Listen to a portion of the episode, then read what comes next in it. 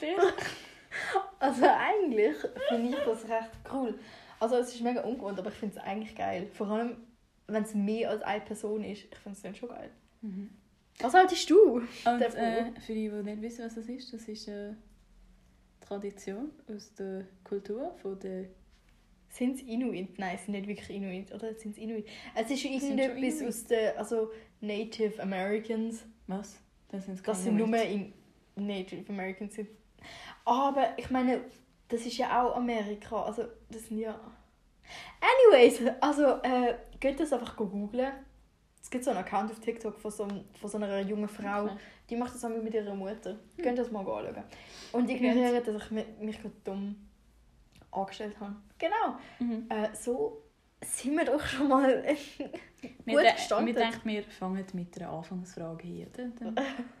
Dass das Ganze aufgelockert ist.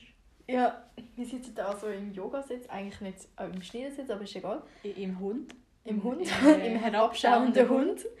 Und äh, wir, wir fühlen uns verbunden mit uns selber, mit unserer Mitte und äh, wir hoffen, dass Jerusalem. äh, das ist das Zentrum der Welt Genau. äh, und die Erde ist flach. Ja, genau. Gut. Jetzt haben wir es Ähm, auch abgehackt. Einfach, Okay, ähm, ganz, ganz herzlich willkommen. wir hoffen, dir geht's gut. Oder Ich- noch besser. Oder einfach wirklich, einfach mal so ein kleiner äh, Check-in. Wie geht's dir? Geht's dir gut? Willst du reden? Unsere DMs sind offen. Wie immer. Genau. Hat sich bis jetzt noch nicht geändert. Achte Folge, immer noch nicht, ist immer noch das Gleiche. Mir ist aufgefallen, letztes Mal haben wir nicht gesagt, wie wir auf Instagram heißen. Darum hat wahrscheinlich Ja. niemand Neues uns wollen abonnieren Also sagen wir es jetzt nochmal, wir heißen Lose Lose. la. Punkt.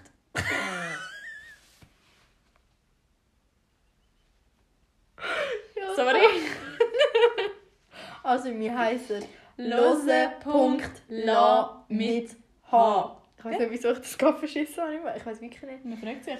Man fragt sich halt wirklich. Ähm, und äh, ja, eben, wir hoffen, es geht dir schön. Es geht dir Oder schön. schöner. Oder am Miriam. schönsten. Alva, natürlich. Spaß. Ah. Mir ist Fall auffällig, ich bin nicht mehr so selbstverliebt wie am Anfang. Also, äh, Mhm. das ist so wie so ein bisschen, wenn, wenn mich neue Leute kennenlernen, dann tue ich mich so ein bisschen das Image so ein bisschen überbringen. Auch wenn Aha. das nicht mein wahres Ich ist. Aha. Mir ist aufgefallen, ich, das habe ich ein bisschen abgeleitet. Das finde ich eigentlich gut. Ich kann es jetzt schnell wieder, wieder so ein Wir sind so stolz auf dich, äh, auf, dein, auf deinen Fortschritt, Personal Growth. Ja. den du angelegt hast. Ähm, ich bin mir sicher, es war eine mega schwierige Reise. gewesen. Da Langt. Langt. Also machen wir weiter. He? Ja, ist gut. Ähm, okay, heute haben wir gedacht, wir, wir greifen das äh, extrem tolles Thema auf. Und zwar heisst das Trash TV. Und es ist so ein bisschen der allwahre Lieblingsbeschäftigung im Leben. Hätte ich jetzt mal gerade neben äh, Stimmt im Fall gar nicht. Also, wir haben uns ein bisschen darüber unterhalten, was dann eben unser nächstes Thema sein sollte und so.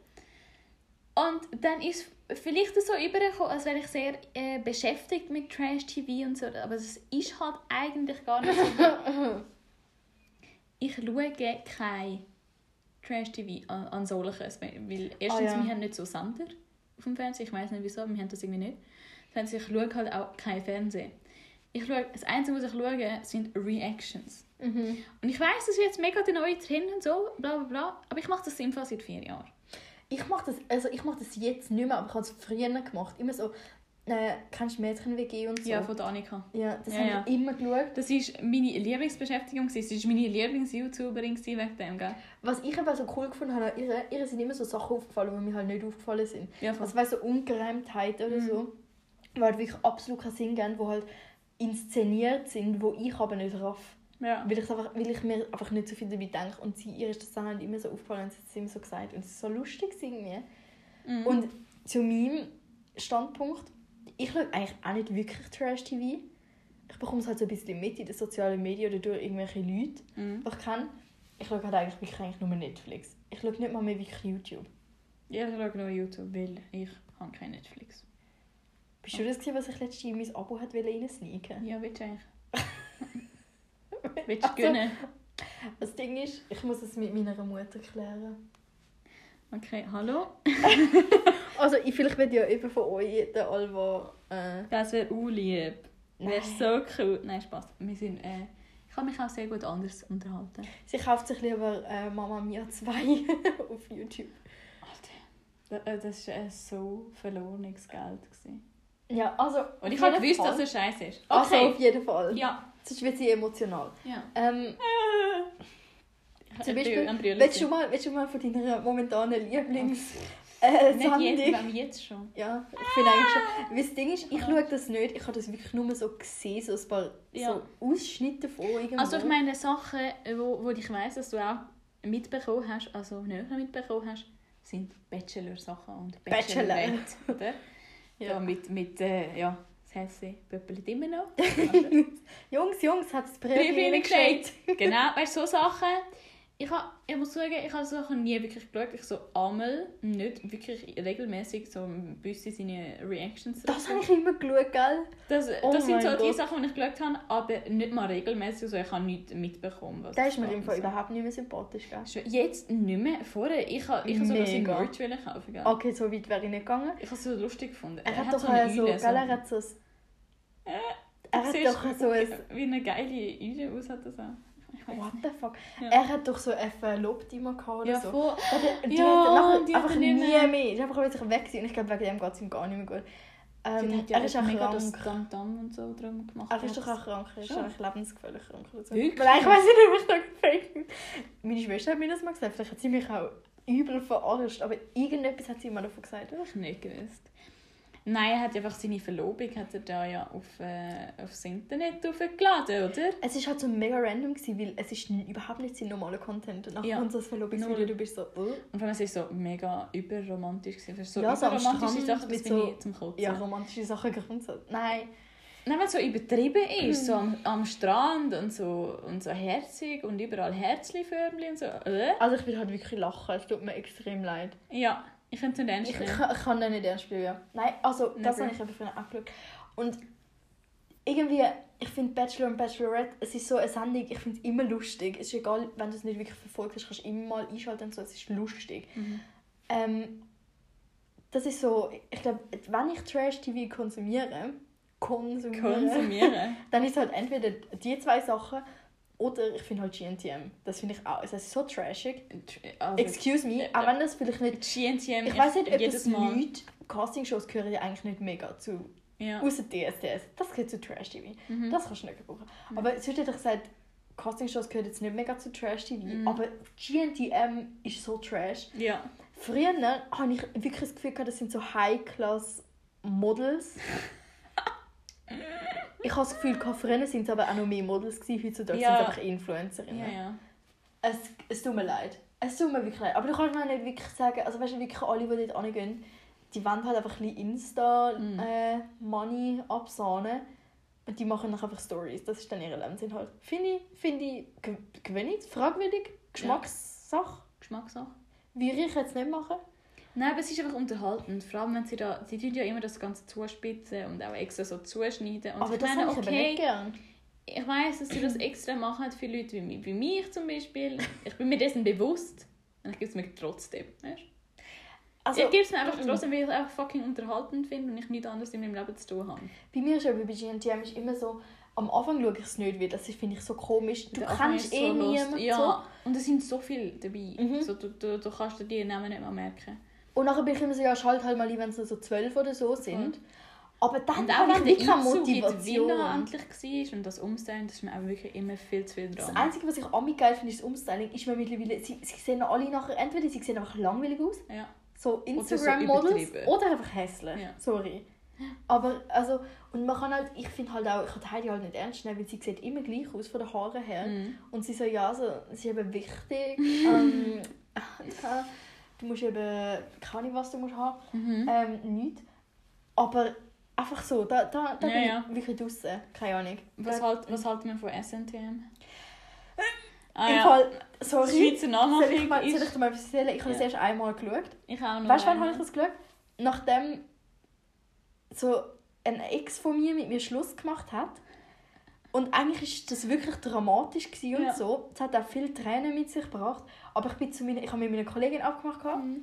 dass wir äh, was zusammen, also dass ich zu ihr gehe und so, Ja. dass wir was schauen. Wir haben eigentlich nicht gewusst, was schauen. Und nachher wir so, schauen wir einfach SNCM. Mhm.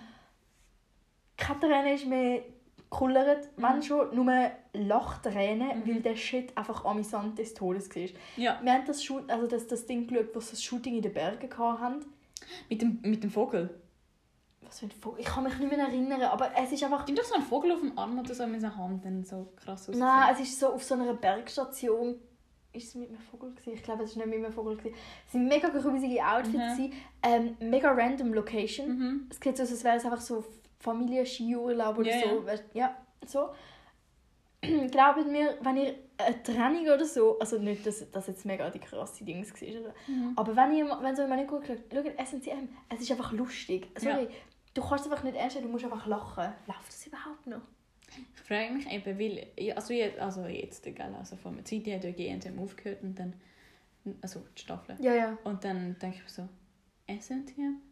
Wo bist du? Ich habe eben... Läuft's? dort, wo ich das, von dort, wo ich es geschaut habe, weiss ich, dass sie auf dem äh, 6 Leute Platz so ein Casting Voll, ja, gemacht voll, haben oder so. Aha. Und ich habe noch nie ist irgendwie, also keine Ahnung. Mhm. Aber letztens haben wir auch über die Manuela da geredet. Ja. Also die ist ja... Mega lustig. Nein, nein, ich also es ist jetzt, es tut mega, es tut mir mega leid. Aber ich finde jetzt nicht, dass sie aussieht wie ein Model. Also sie hat jetzt nicht so crazy... Ist sie eigentlich ein Mob Ja, Model? Model. Model? sie ist, Ist Nein, sie, ist ist sie ein bisschen ja. Oder nicht? ist sie, aber sie... sie nein, Mobile habe ich gemeint, das ist so Mobbing Mobbing. und Model. Aha. Ich habe Also- Bishop und Model gedacht. Ja, nein, sie, sie ist doch einfach nicht, also keine Ahnung, sie sieht halt aus wie das Vreneli vom, Bis Freundin vom Hans. von der Regie oben runtergeschnitten. Nein, es tut mir mega leid. Ja. Also nichts krasses. Und da bei GNTM sind sie immer so, ja, du musst eben einen Special Look haben, du musst auffallen und so. Mhm. Ich meine, als Victoria's Secret Model musst du eigentlich einfach ein bisschen nur nach 15 aussehen. Und Ja. halt ein Zahnstocher sein. Aber das ist, das, Das hat nichts mit Auffallen niemand schaut, ja, gell? Also crazy. Ähm, wieso, wieso sind wir jetzt, ja, egal. Okay, ähm, weiter zu äh, Love Island. Oh mein Gott, Love Island ist etwas, was ich nicht verstehe. Es gibt es von allen Ländern gefühlt. Allen. Auch Bachelor in Amerika, ich verstehe es nicht. Ich verstehe es einfach nicht. Ich schaue also ich habe schon mega oft so random Reactions geschaut auf Mhm. den amerikanischen Bachelor. Check ich nicht. Verstehe wirklich nicht, was bei denen abgeht. Also wirklich, da bleibe ich bei den Hey, wo Schweizer. ist die Rose? Nein, da bleibe ich bei den Schweizer, auch wenn die cringe as fuck sind. Ja. Ich finde generell immer, wenn Leute aus der Schweiz im Fernsehen sind, ich weiß nicht, wer sie dafür zahlt, aber sie blamieren uns immer. Mhm. Auch an der EM. Gell? Immer die Leute im Publikum mit ihren Bierbüchern oben ohne äh, rote Gesichter. beim- Nein, nein, nein. Also es tut mir mega leid, aber auch wir haben müssen im Geografieunterricht ein Video schauen. Äh, es ist um, es ist so, es ist im Wallis gefilmt worden und Mhm. einfach die, es ist ja ein deutscher Fernsehsender und die Impression, wo die Leute jetzt von uns haben, ist einfach, dass wir alles Bergbauern sind, Mhm. Und Bäuerinnen. Bauern, ja, wo unsere Geissli und Schäfli und Kühe rumtreiben lustig und unsere trächtigen Kühe aufeinander hetzen, Ja. äh, Kuhkämpfe machen und wo glauben, dass man mit Betten äh, den Rückgang der Gletscher kann aufhalten kann. Es tut mir extrem leid, dass ich nicht zufrieden bin mit dem Image, aber bin ich halt einfach nicht. Ja, es ist ein bisschen schwierig, äh, eben, dass, dass es ein deutscher Sender war. Okay? Ja, Die haben- das ist peinlich. und die Leute haben Schweizerdeutsch geredet. Und das hat müssen übersetzt werden. Und Nein. dann merke ich so, okay, aha. Und dann ist immer nur die Seite, weißt du, so, die Jugendlichen sind sogar dort gewesen, und über Zoom haben die dort müssen heuen und so. Und dann ich so, aha. In- welchem Zeitalter sind wir stehen geblieben? Ja, erstens mal das, wir haben vorher auch darüber geredet, dass es in den Bergkantonen so hohe Ferien gibt. Also längere ich glaube nicht daran, weißt du, dass actually. Leute gibt, die das wirklich machen. Ja. Das ist so fern von meiner Realität. Ja, ich kann mir nicht fern. vorstellen, dass ich so, ja, so, ich gehe jetzt da ein bisschen heuen und in meiner, wieso habe ich gerade die Bewegung? Und dann hat er so gesagt, so, ja, so, ich will ja eigentlich schon in meiner Zukunft Voll, etwas damit ich- machen Ja, und es gefällt so, mir so hä? gut. Wie? Okay, Alexander, Eichholzer. Wieso heißt Eiholzer. Ei- Ja, aber ja, das ist also egal. Äh. Anyways, let's let's move on. Hast du übrigens gewusst, Let's, let's move on. die rechte Seite auf deinem Blatt, also bei dem Context Map, der Ort dort, dort von dort komme ich. Dort bin ich im Dort Fall immer. Wurzeln. Schon Und das ist so krass. So gewesen. also, der Ort heisst wir Jetzt hast du mir einfach meine Heritage exposed. Darum habe ich extra gesagt, die rechte Seite von deinem Context Map. Ja, das checkt niemand. Und du bist nie Eben. dort. Bist du jetzt gerade dort? Ah, mhm, ja, I think so. Ja, auf jeden Fall. Bin ich dort eben immer Skifahren. Und es war so krass. Gewesen. Ich bin im, im, einfach im Winter dort. Gewesen. Und jetzt hat man so Sommerbilder gesehen. Mhm. Und ich so, ist es jetzt das? Oder ist es jetzt nicht das? Es ist einfach voll das geile Skigebiet. Also nicht, dass es gross ist oder so, aber du hast halt von der Piste können ab in den Kopf fahren, schnell die Ski abziehen, reingehen, deine Sachen holen, die Ski anlegen. Ja. Und dann bist du halt straight zu dieser Wohnung gegangen. Also du hast Ja, mit ja, der Ski äh, vor der Tür von ja. Wohnung können anfahren. Ich weiß, wie man Das ist schon geil. Das ist schon wild. Da- ähm, Das muss man schon geben. Haben die gut gemacht, bett mir ab. Haben die echt gut gemacht. Nein, aber was mich einfach. Nein, ich bin, bin wirklich nicht einverstanden mit dem Image. Nein. Ich könnte mich Es ist, ein bisschen- es ist ein schwierig, äh, was jetzt wahrscheinlich deutsche Personen von uns denken. Ja, Aber ich kann mir halt auch nicht vorstellen, dass es äh, wirklich Aber- jemand sich reingezogen hat. ja, okay, aber dafür mal ich habe einen Kommentar durchgelesen. Also das, No way. über das reden wir jetzt nicht. Aber was ich mir halt, ich habe halt auch nicht wirklich ein gutes Bild von Deutschen zum Beispiel. Weil ich habe das Gefühl, die sind alle Assi, Assi aus dem Ghetto. Ich habe das Gefühl, deutsche Leute sind entweder Asi oder sie sind so Spieß. «Ich brauche meine Wurst!» Weißt du, was ich meine? So Kartoffeln. Bratwurst, Bratwurstmenschen. Kartoffeln. Nein. Ja, also, ja, das Ding ist, ich habe halt wirklich einfach so das Gefühl, ich kann halt kein Schulsystem, abgesehen von dem von der Schweiz, ernst nehmen. Ich meine, Amerika, also USA, Das ist... du kannst rauchen. Nein, ich habe mir das eben auch immer gedacht, aber sorry, die müssen so viel auch machen jetzt, also für die scheiß College-Sachen. Ja, das ist da- so, aber Und ihre- Prüfungen, die die da müssen ablegen die ganze Zeit, äh, so Aber Abschlussprüfungen so die ganze Zeit. Highschools und so, also ja, sie haben ihre Finals. Ja. Ja. aber du musst dir überlegen, so viel werde gefragt, so, ja, äh, wo ist Europa? Also Europa ist ein Land, die gell? wissen das, ja, Also, das das finde ich so ich. krass, gell. Wir müssen, wir müssen uns fucking Flüsse und Gebirge merken, wo da Von der irgendwo... ganzen Welt, ja, nicht nur in der Schweiz. und, und dann kommen die da mit, äh, da... Wo, Europa wo ist ist die Schweiz? Ah, Was ist- Schweden? Ah, Schweden. Manchmal ist... Ah, schwierig. Total Ja. schwierig. Keine Ahnung. Ich bin im Fall immer so stolz, wenn ich so irgendetwas von der Schweiz... Ach, Ich will nicht, nicht so, ja, mein Vaterland. Aber immer wenn ich irgendwo so... Eidgenössin da, hä? Ja, ja, aber immer wenn ich etwas...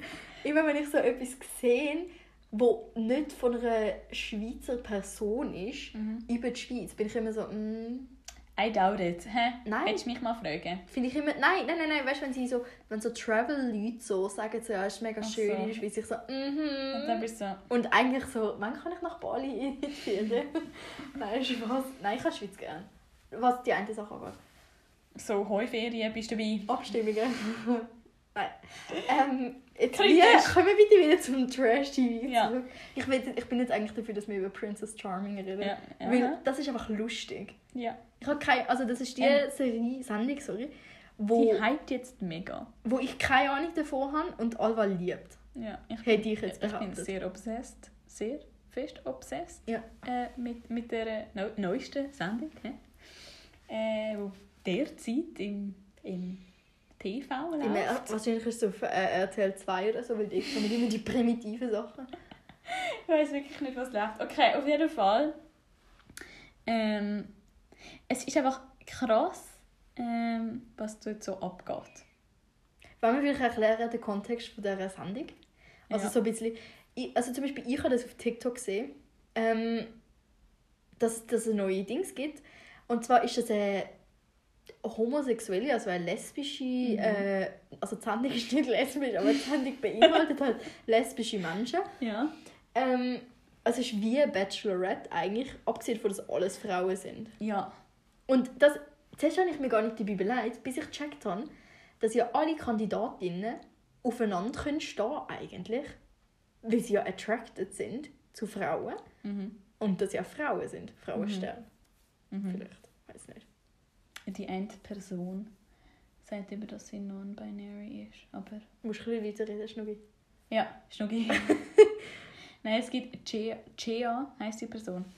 G-E-A. Äh, und äh, die Person sagt eben, dass sie also identifiziert sich als non-binary, aber es gibt eben keine.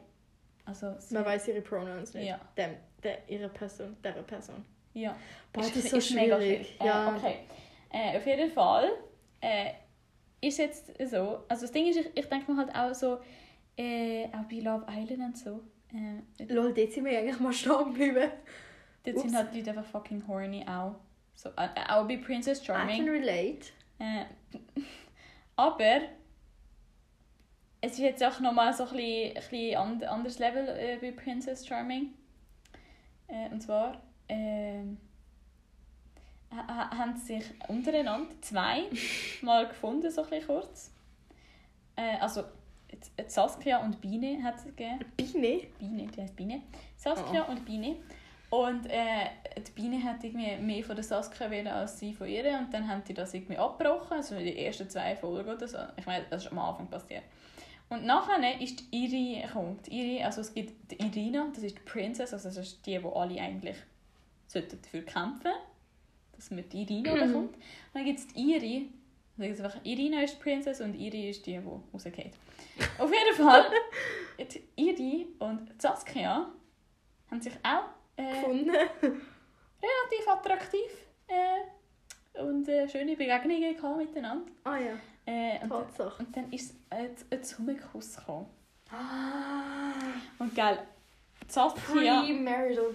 die Saskia einfach straightforward, ja, wir haben uns geküsst. Und Iri einfach so im Interviewbereich auch so, nein, unsere Lippen haben uns nicht berührt. Haben uns nicht berührt. Haben sich nicht berührt. Never. Und sie haben Decke so gesehen. über den Kopf gemacht und man hat es fucking gehört. Kurt. Man hat es fucking gehört. hat sich das Kurt. Und dann äh, ist es halt eben so gekommen, dass Saskia das der Irina gesagt hat, also der Princess. Und dann ist sie halt rausgeschmissen worden und Iri hat so das Gefühl gehabt, er will es nicht sagen. Dann ist sie nicht rausgeschmissen worden. Nein, ist sie, aber Nacht drauf, Nacht drauf, also am Tag, also Gesehen, Ehrlichkeit wird eben nicht immer Genau. belohnt. Es lohnt sich zum Lügen. die nächste Folge hat sie es dann nachher ehrlich gesagt, dann ist sie rausgeschmissen worden. Die Irina hat sowieso, äh, sie ist am Schneugen, gewesen, die wollte herausfinden, wer das war. Ich weiß nicht, wie sie Am das hat wollen. Schneugen. Ja, am Schneugen. Das nenne ich, wenn jemand so etwas essen will. Also etwas Nein. isst, so, bist am Schnabulieren und am Schneugen. Nein, am Schneugen ist so rumschauen, so Detektivarbeit leisten. Schnuppern. Schnuppern. Das ist Schneu- Schneugen. Spannern nenne ich das auch. Das ist Pedo. Okay, okay. Auf Äh, auf jeden Fall hat sie es also ich weiß nicht, wie sie das hat herausfinden so, aber ja, äh, sehr krass. Auf jeden Fall, jetzt in der letzten Folge. Ich weiß jetzt nicht wirklich, ob sich das jemand reinzieht oder so. Ich- ist jetzt halt ich ein sage ganz ehrlich, ich bezweifle es im Fall wirklich. Ich habe das nicht gekannt vorher. Ja, ich mich, bewege mich halt so in diesen Gebieten Trash-TV und so, dann wird das halt schon ein bisschen auf, empfohlen auf, auf YouTube. Mhm. Auf jeden Fall habe ich mir äh, dann am, am Dienstag, also gestern, für mich ist das gestern, für euch ist das dann einfach am Dienstag gewesen, ähm, habe ich mir das dann so reingezogen, die neueste Reaction von der neuesten Folge. Vor der Schule. Oh, was ist Während mit der der Schule passiert? Also Während der Schule. Während äh, Mittag. Ja. Ah, ja, ja. Und ähm, ja. Also man muss sagen, sie haben auch sehr grosse äh, äh, Mengen an Konsum von Alkohol. Das ist aber immer so. Das wird so, so, so romantisiert immer. Alkohol ist nicht gut. Bei Princess Charming, du siehst so richtig krass, was da passiert. Aber, gell? also trinken jetzt, ich meine, bei Bachelorette und so, sie trinken eigentlich nur Champagner. Ich Trinken weiss sie nicht, was sie trinken. Aber sie trinken viel. Viel zu viel. Die wissen nicht mehr, also das ist viel zu viel, gell? Auf jeden Ja, Fall nüchtern kann man sich eben nicht geben. hat die Biene ein Einzeldate gehabt mit der Irina. Das heisst, sie war nicht rum. gewesen. Und die anderen Haben eine Orgie gemacht. im Ah, ist das das im Whirlpool? Jacuzzi. Ah, Jacuzzi. Jesus. Und Elsa hat sich so gedacht, äh, stellt euch vor, ich würde euch einfach alle mal küssen. Und nachher geht sie so von Person zu der Person. Person. Person. Und, und äh, also... And that's Und how you get herpes, kids. bei Gea ist so richtig krass heftig geworden, gell? Die, also die haben die fast auseinander müssen reissen. Das ist so nicht mehr jugendfrei. Aber also, weißt du, also da frage ich mich halt, es ist sicher lustig, mal so einen Versuch zu starten. Also erstens mal kann ich die Dating-Shows eh nicht ernst nehmen, Mhm. weil es gibt wirklich ganz wenig Leute, die sich wirklich finden. Und ich habe halt auch das Gefühl, es hat ja mega etwas mit Glück zu. Ich habe eh nicht Mhm. das Gefühl, dass es ist ja nicht die große Liebe im Sinne von, es gibt eine Person, die für dich bestimmt ist, sondern es ist so, du verliebst dich und dann ist, was du daraus machst, so ein Mhm. bisschen. Ähm, und da die Leute dort hingehen und sich einfach denken, oh ja, Fame, Mhm. äh, sind die sicher Ich glaube, auch nicht Princess bereit. Charming haben sie sich einfach gedacht so, Ja, wow, Sex. Ferien. Oh. Nein, Sie Ferien. haben sich so gedacht, wow, Ferien. Das ist doch immer... Hey. Alkohol? Hast Alkohol Gehört da? Alkohol? ja, schon, also keine Ahnung. Aber eben dann habe ich das Gefühl, die sind sich nicht bereit, irgendwie eine ernsthafte Beziehung aufzubauen. Ja, das vielleicht. Nein, das Ding ist, ich finde es eigentlich das Gute an Princess Charming. Also das ist jetzt so generalisiert auf alle Ja, ja. Shows. Aber das, was ich gut finde mit dieser Show jetzt spezifisch ist, dass sie auch relativ real bleiben. So, sie unterhalten sich über eigentlich wichtige Sachen, Über Sextoys. beispielsweise. Aber nein, sie haben sich auch irgendwie über Transmenschen Oh unterhalten ja. und so. Das, also, das hat mega, mega Revolution irgendwie gebracht da im, üb- über, überall mit YouTube und Kommentarfelden und so. Weil äh, Chia hat gesagt, dass es transphob ist, wenn du nicht mit Mm, einer mhm. Frau willst zusammen sein die einen Penis hat. Also eine Transfrau. Genau. Aber Ja. es ist halt dann einfach immer noch eine Frau, oder? Ja, ja, ja, aber das ist Genau. der, Begr also der Ja. Fachbegriff. Nein, Spaß. Nein, das Ding, also ich meine, du bist Okay, das ist Du finde ich bist halt trans nicht wirklich transphob. Eben, nein, das Ding ist, ich finde es sehr krass, wenn wir uns jetzt da wieder darüber äußern. Ja. Ich tue mich nur darüber äußern, dass es erstens ein reales Thema ist Mhm.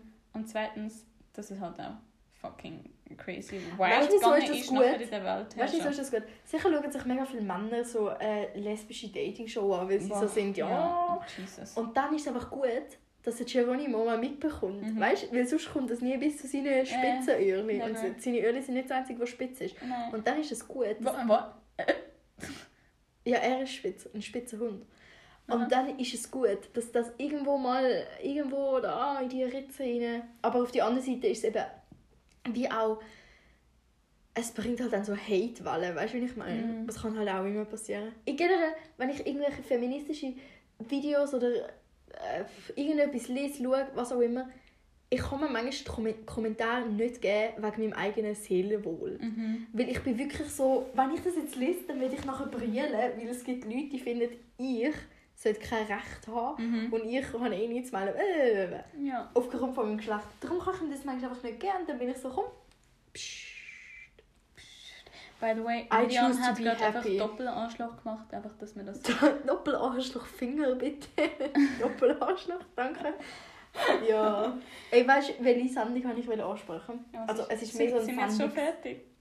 Du kannst nachher nochmal, natürlich kannst du Ja. jederzeit Ja. Sachen von Princess Ja, Charming gut. reden. Mhm. Ich wollte eigentlich über die ganzen Sendungen reden, wo so das Thema so Back to the Ex haben. Ähm, es gibt das auch so von Tough Out zum Beispiel. Mhm. Äh, wo ich noch YouTube geschaut habe, habe ich immer so Tough und Galileo und so Zeugs. Ich bin jetzt nie auf dieser Welle, ich bin irgendwie gefühlt alle das um mich ist die herum. perfekte Welle.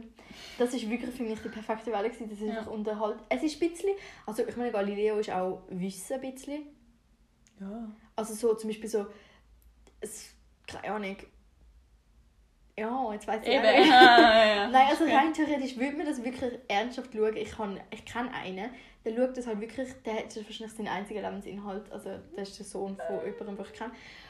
Aber er ist halt wirklich gescheit. Und weißt wenn du mit ihm über irgendetwas redest, er kann dir halt so viele Fakten einfach von dem raushauen. Ich weiß nicht, ob das jetzt mein Lebensziel wäre, aber man kann es gebrauchen. Auf jeden Mhm. Fall. Ähm, dann gibt es eben die Zurück zum Ex oder Mhm. zu der Ex-Sendungen. Und das sind dann, meistens sind so Sachen, die eine Person will halt wieder mit Beziehung äh, zurückhaben Mhm. und die kontaktieren dann äh, deine Ex-Partnerin oder so. Und dann laden sie die halt ein auf so eine Insel oder irgend so etwas, an Mallorca oder so. Ja. Also wenn es Deutsche sind, ist es eigentlich immer Mallorca.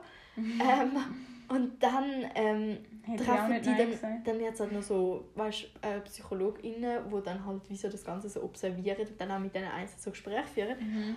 Und dann wird halt zuerst wird halt dann ihre Beziehung und so die ganze Geschichte so ein bisschen erzählt und so. Mhm. Und ja, dann treffen sie sich halt äh, und die einen laufen dann erst schon mal schon direkt wieder weg, weil sie einfach so denken, äh, nein. Mhm. Was halt mega dumm ist, weil du bekommst dort gerade Urlaub gesponsert, sorry Bro, Mach aber einfach mit, mach einfach mit. das wäre, also ja, auf das wollte ich nachher wieder rausgehen. Mhm. Und dann gibt es halt auch so, es gibt so eine ganze, ähm, es hat so eine Serie ich weiß nicht mehr, wie sie geheißen hat, auf Netflix. Es sind glaube ich so fünf Bärli oder so gewesen, gell?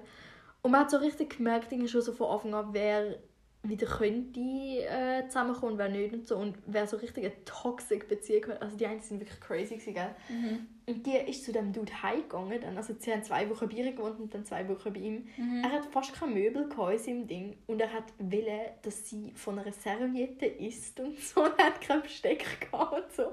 Und Ups. sie ist halt nicht am ersten Tag direkt wieder abgereist. Ui. Was? Machst du falsch, gell?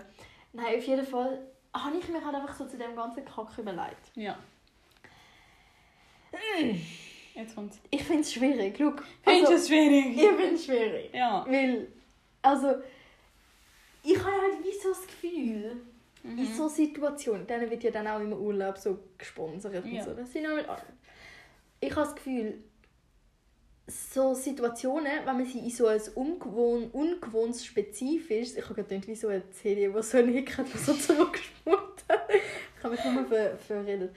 Ähm, wenn man es in so ein komisches Setting rein tut, wo halt nicht alltäglich ist, Ja. dann können viel mehr Sachen passieren, die eigentlich nicht wieder passieren im Alltag. Weißt? Mhm. Erstens mal das. Das heisst, die einen dann wieder Hoffnung, aber nachher im Alltag funktioniert es halt gleich immer noch nicht, weil es hat, es tut mir leid, dass ich das jetzt da muss sagen, aber es hat meistens Berechtigung, dass die Beziehung kaputt gegangen ist. Ich finde es mega ein schwieriges Format einfach. Ja, und ich denke mir halt auch, ich persönlich Ja. würde jetzt irgendein Ex-Freund von mir das veranstalten. Ist mir egal, wie fest ich den würde hassen. Ich würde halt ein bisschen mit dem viben, weil ich bin in der Ferien. Ja. Es ist Ah. mega traurig, weißt du? Und, und nur, ich habe das Gefühl, das ist auch mega verwirrend, weil das heißt ja nicht, dass man die Person hasst. Ich hasse Mhm. eigentlich niemand so, also weißt Mhm. so, Hasse ist ein sehr starkes Wort. das, ich bin nicht ready, ich bin nicht ready, jemandem Liebe zu geben, aber ich bin auch nicht ready, jemandem Hass zu geben. Ja, das sind bei mir zu krasse Emotionen. ähm, auf jeden Fall habe ich einfach so das Gefühl, weißt, man kann ja auch einfach dort so, es ist freundschaftlich, hat man es gut, Mhm. aber durch das ganze Setting und so macht es so mega exotisch. Ja. Und dann ist ja die Person ist ja die einzige, mit, dem, mit der du so wie was zu tun hast. Du hast gar nicht andere Menschen. dann wirst du horny aufeinander.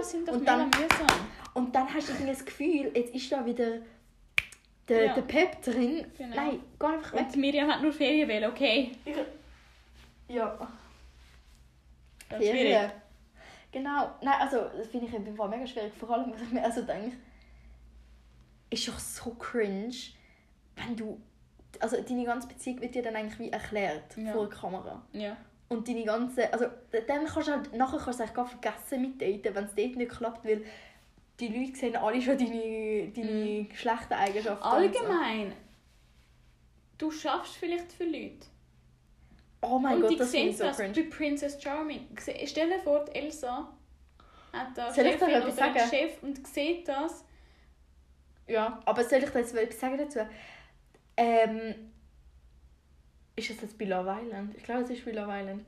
Ein so ein äh, PE-Teacher, also so ein Sportlehrer Mhm. von irgendwo, keine Ahnung, ich weiß nicht genau wo, ist bei Love Island. Mhm. Er hat niemandem gesagt, wo er angeht, er hat sich einfach frei genommen und dann sehen ihn seine SchülerInnen bei Love Island. No way.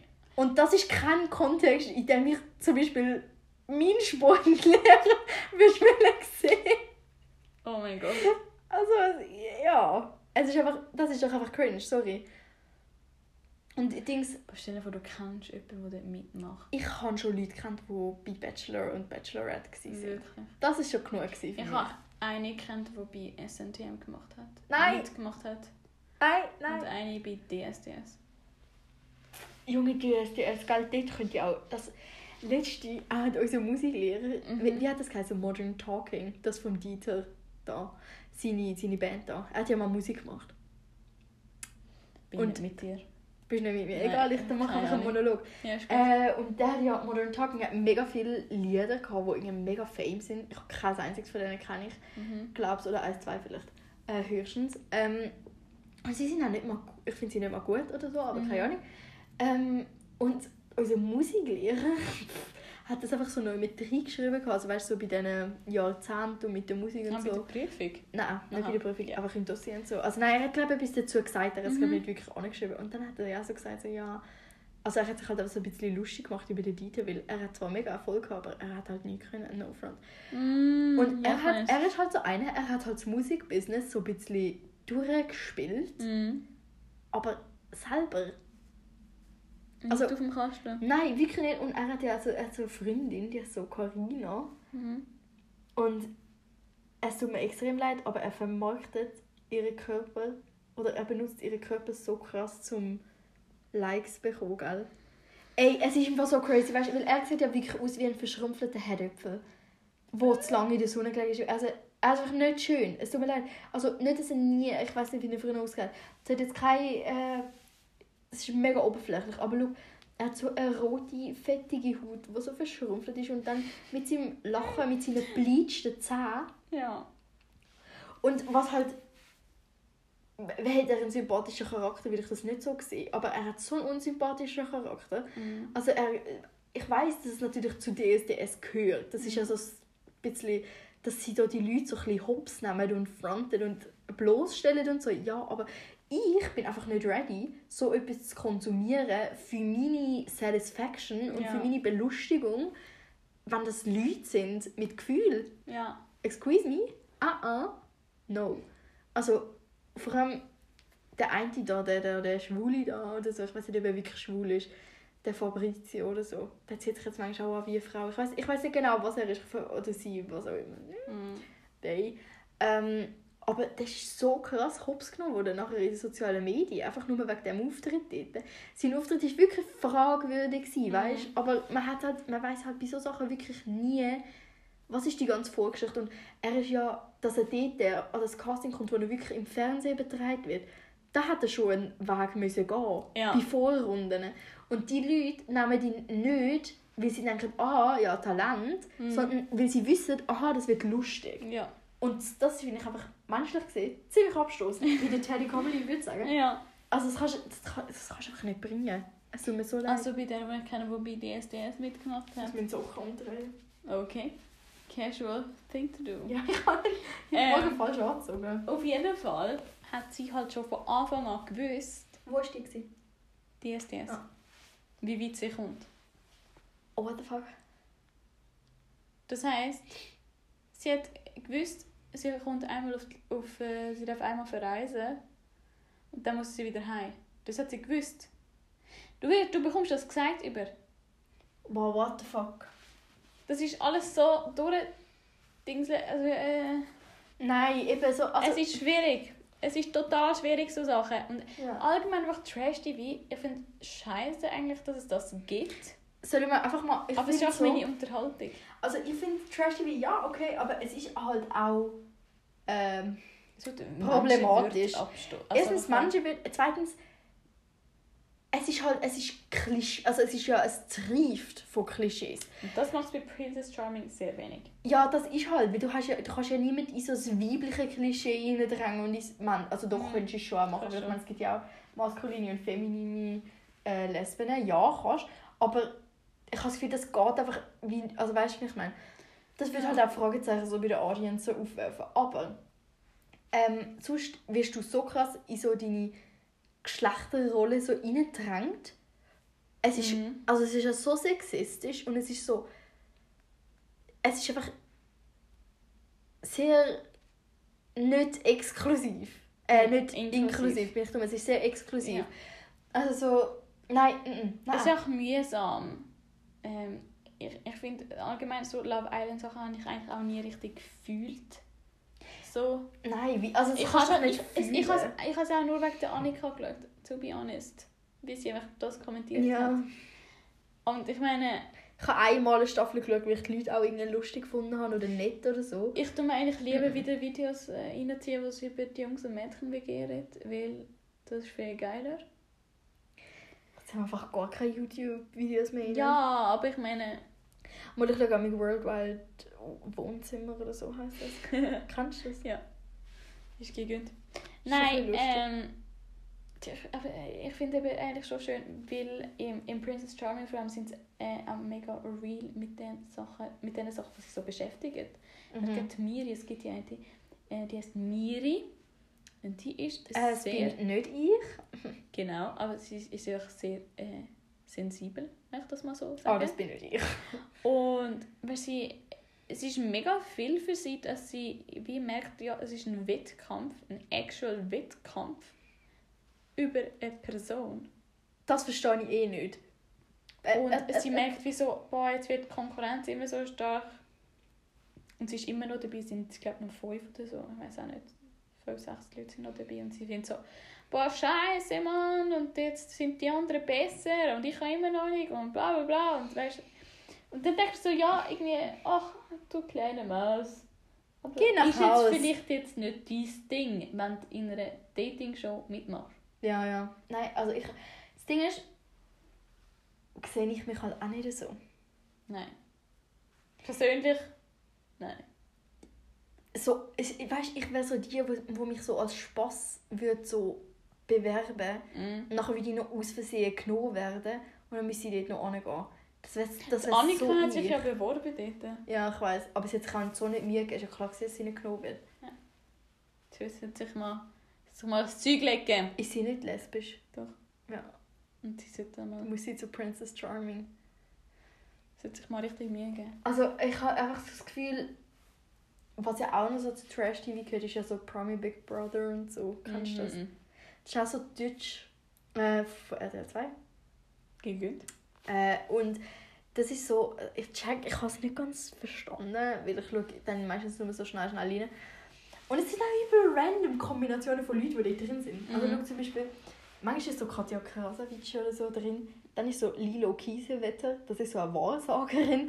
Der Mike Shiva ist schon mal drin. gewesen. Gut. Die, die Nacktkünstlerin Milo Moire oder so, das ist auch Schweizerin, gell? Mhm. Mhm. Unangenehm. Äh, Entweder sie nehmen so Bergkinder rein oder irgendwelche Nacktkünstlerinnen aus der Schweiz. Ich fühle mich wirklich präsentiert, repräsentiert. Ja. Ähm. Und also einfach wirklich übel random Sachen. Und dann gibt es immer so einen Luxusbereich und so einen schlechten Bereich. Und der schlechte Bereich, zum Beispiel dort, wo ich das letzte Mal geschaut habe, war so eine Baustelle. Gewesen. Mhm. Und dann im Luxusbereich hast du halt wirklich alles. Du musst dir wirklich keine Sorgen machen um Essen und so. Und im Baustellenbereich haben sie halt fast nie Essen und so. Mhm.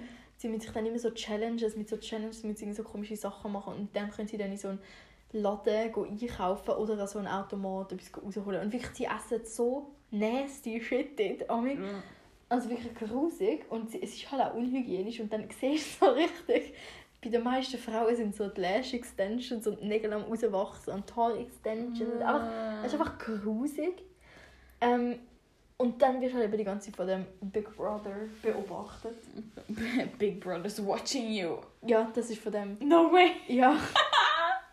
Lol.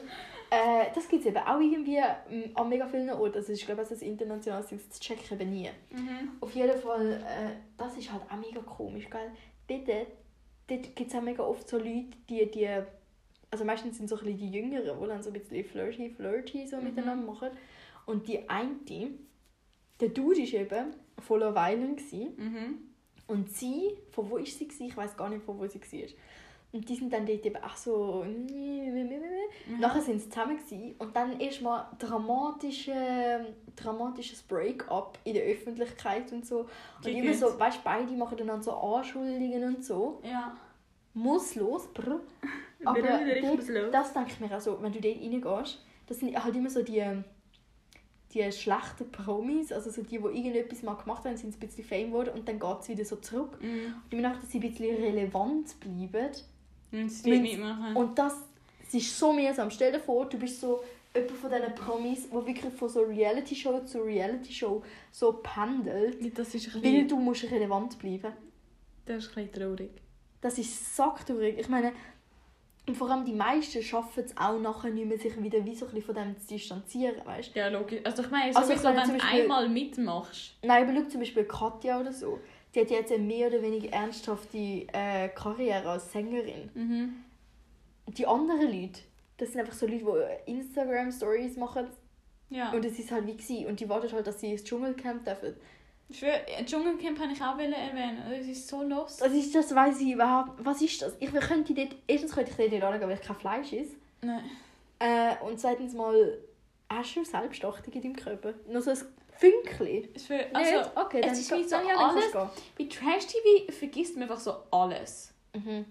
Du vergisst, was du für eine Würde hast, Du hast ja keine mehr, wenn du dort bist. So. wie du dich eigentlich sollst behandeln Und behandeln lassen. Also weißt du, so. und behandeln lassen. Und was es eigentlich mit dir selber macht. Weil es ist nicht gesund. Also ich habe nicht so, gut, ich habe so ein paar Leute im Trash-TV, die ich lustig finde. Mhm. Kennst du zum Beispiel Claudia Obert? Mhm. Das ist so eine Frau, die ist so um die 50 oder so, I guess. Und Mhm. sie hat irgendwie so, sie ist so ein bisschen der Mode-Ding, aber was sie wirklich macht, habe ich wirklich keine Ahnung. Okay. Sie hat angefangen als Schuhverkäuferin oder so. Anyways, Gut. das ist die, die immer Champagner will haben. Ich würde auch immer schon. Und die- Nein.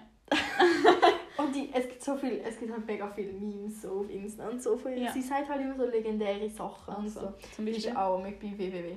Ja, ich weiß, ich kann es jetzt, ich kann ja, mega nein, schlecht ich zitieren. weiß, Ich kann nicht ein Beispiel hören. Hast du nicht wollen? Nein, ich kann nur so tun. Ist gut. Nein, also sie, ist- ähm, sie, sie ist einfach lustig, aber sie ist halt nicht, nicht so tryhard, weißt du. Ja. Sie finde ich lustig, dann gibt es so Desiree Nick. Mhm. Und die ist halt, kennst du, wie heißt das? Wie heißt das Ding, wo sie so Skate, also so Eiskunstlauf machen? Und weißt, es ist dann immer eine Person, die es wirklich kann und eine Person, die es neu lernt. Und Sarah Lombardi ist halt dort auch gewesen, ähm, und hat gewonnen. Die Frau, no joke, die kann halt alles. Die geht so zum Promi-Backen. Kennst du das große Ja. Backen? Das große Promi-Backen. Die Ist, gönnt. das, Sie ist geht das eigentlich auch Trash-TV oder nicht? Ich frage mich. Das ist, es ist doch auch ein bisschen wie eine Talentshow. Nicht, keine Ahnung. Gell? Es ist schon close to Trash TV, weil eben dort sind ja auch wieder immer die, die Leute, die so ein bisschen... Aber sie, im Fall, ist egal was sie die Frau anlangt, sie gönnt Ja. Dann geht sie auch in so, weißt, so Quiz-Shows und so. Das, Mhm. Oh mein Gott, Quiz-Shows, gell? Es gibt so viele Quiz-Shows, die ich gerne habe. Kennst du ähm, Schlag den Star? Ja. Also eigentlich heißt ja, also ursprünglich war so Schlag den Raab, gewesen, also wegen dem Stefan Mhm. Raab. Und jetzt ist ja Schlag den Star. Ich ziehe mir das so gerne in irgendwie. Also Okay. nur die, nicht die sportlichen Videos, weil die finde ich meistens langweilig, weil es sind so komische Sachen, die sie mir machen. Ja. Also wenn sie mit, mit diesen Go-Karts rumcruisen, dort muss ich auch wirklich ganz angelöst. Aber so die Wissenssachen, ich schaue sie halt einfach, weil ich kann mich halt wie auch weiterbilden, wenn ich das schaue. Boah, das klingt gerade so richtig... Die, die Miriam holt sich einfach einen Nutzen von überall, oder? Aber Also das Ding ist, ich mache halt wirklich nur gerne Sachen, wo ich einen Mehrwert habe. Nein. Ja. Verstehen Sie Spaß? Das habe ich mal so gesucht, gell? Mit dem Guido Kanz oder wie der heißt. So lustig. Das war eine, eine ganz lustige Phase von meinem Leben. Ich weiß nicht wieso, aber es ist Das habe ich immer bis so am 1 in die Nacht geschaut. Es geht auch recht lang. Nein, ich habe es aber nicht live geschaut, ich habe es auf YouTube geschaut. Aha. Ja, dann geht es weniger lang. Aber es ist Aber so ja, es, lustig. ja, es ist Also, schon recht lustig. manchmal ist es Nicht nicht lustig. alles, aber, Aber was ich, halt, ja, was ich crazy finde, sind eben auch immer so die, wie geschickt es eingefädelt ist zum Teil. Also weißt du, so die Ja. Pranks mit diesen Familien und so. Also, ja. weißt, ähm, die von innen aus sind okay, mhm. aber die sind immer so die Legenden, wo so von einer Familie aus so geschrieben wird, ja, pranken wir den und den und so. Ja. Und nachher machen sie so wirklich, es ist so viel Arbeit, Das ist das ist crazy und das fi- finde ich wirklich lustig. mhm. Ähm, ja, wie sind wir jetzt auf das gekommen? Ah, Ich es habe dich gibt, unterbrochen. es gibt ja, es gibt Dings. Schlag den Star, es gibt irgendwie, wer weiß denn sowas, eins gegen Ja, 100 ja. groß gegen klein. Mhm. Alles der Shit. Ich, ich finde das halt, das Ding ist, ich ziehe mir halt wirklich nicht gerne Sachen rein, wo ich mir rein nur zur Unterhaltung reinziehe. Mhm. Ich finde halt ein bisschen schon entweder es muss so... Aber wieso ziehst du sonst Sachen ein? Eben, es, hat, ist ja es hat einen, ja, aber es hat einen Mehrwert. Zum Beispiel Ach so. Quiz-Shows ziehe ich mir rein, weil ich lerne halt Mhm. etwas dabei. Wenn die eine Frage steht, dann überlege ich mir in meinem Kopf, aha, was ist jetzt das, bla bla bla bla, bla. Und dann merke ich mir das. Und Wenn das mich ist Sachen... so vorbildlich von dir. Nein, aber sonst verschwende ich ja meine Zeit. Ja, das mache ich. Okay? Ich mache Das das, kann ich lass nicht. mich. Nein, ich kann tue ich sehr oft und sehr viel meine Das kann, ich nur, das kann ich nur auf TikTok. TikTok ist so meine guilty pleasure. Aha. Ähm, ich ich glaube, wenn, wenn ich auch immer so sage, also ich habe das irgendwo mal gehört oder gesehen, es ist immer von TikTok. Ganz ehrlich, das ist meine einzige Source für so Mhm. irgendwelche Sachen. Aber das Ding ist, es ist mega viel Shit dort. Ja. Aber dein Algorithmus passt sich ja an. Und irgendwann, Die Miriam hat nur noch Mathe-Videos. Weil ich so gut in Mathe bin, ja. Nein, äh, also, keine Ahnung, was habe ich? Ich habe ein bisschen politische Sachen. Ich habe aber sehr, also ich bin im Fall wirklich nicht auf straight TikTok. Ich bin Okay. wirklich, also fast alle Leute sind bei mir gay. Gegönnt. Weil, kannst du bitte nicht ins Bett abstauben, während die Kamera reden will? Ich rede jetzt einfach weiter. Ähm, und so, ich lerne halt nicht mal unbedingt durch die Videos selber, sondern ich gehe in die Kommentare lesen. Weißt du, wie viel habe ich über häusliche Gewalt gelernt auf TikTok? Ui. Weißt du, wie viel habe ich über so Gender-Ungleichheiten gelernt Entschuldigung, auf TikTok? wegen der Geistkulisse. Sie macht sich bequem.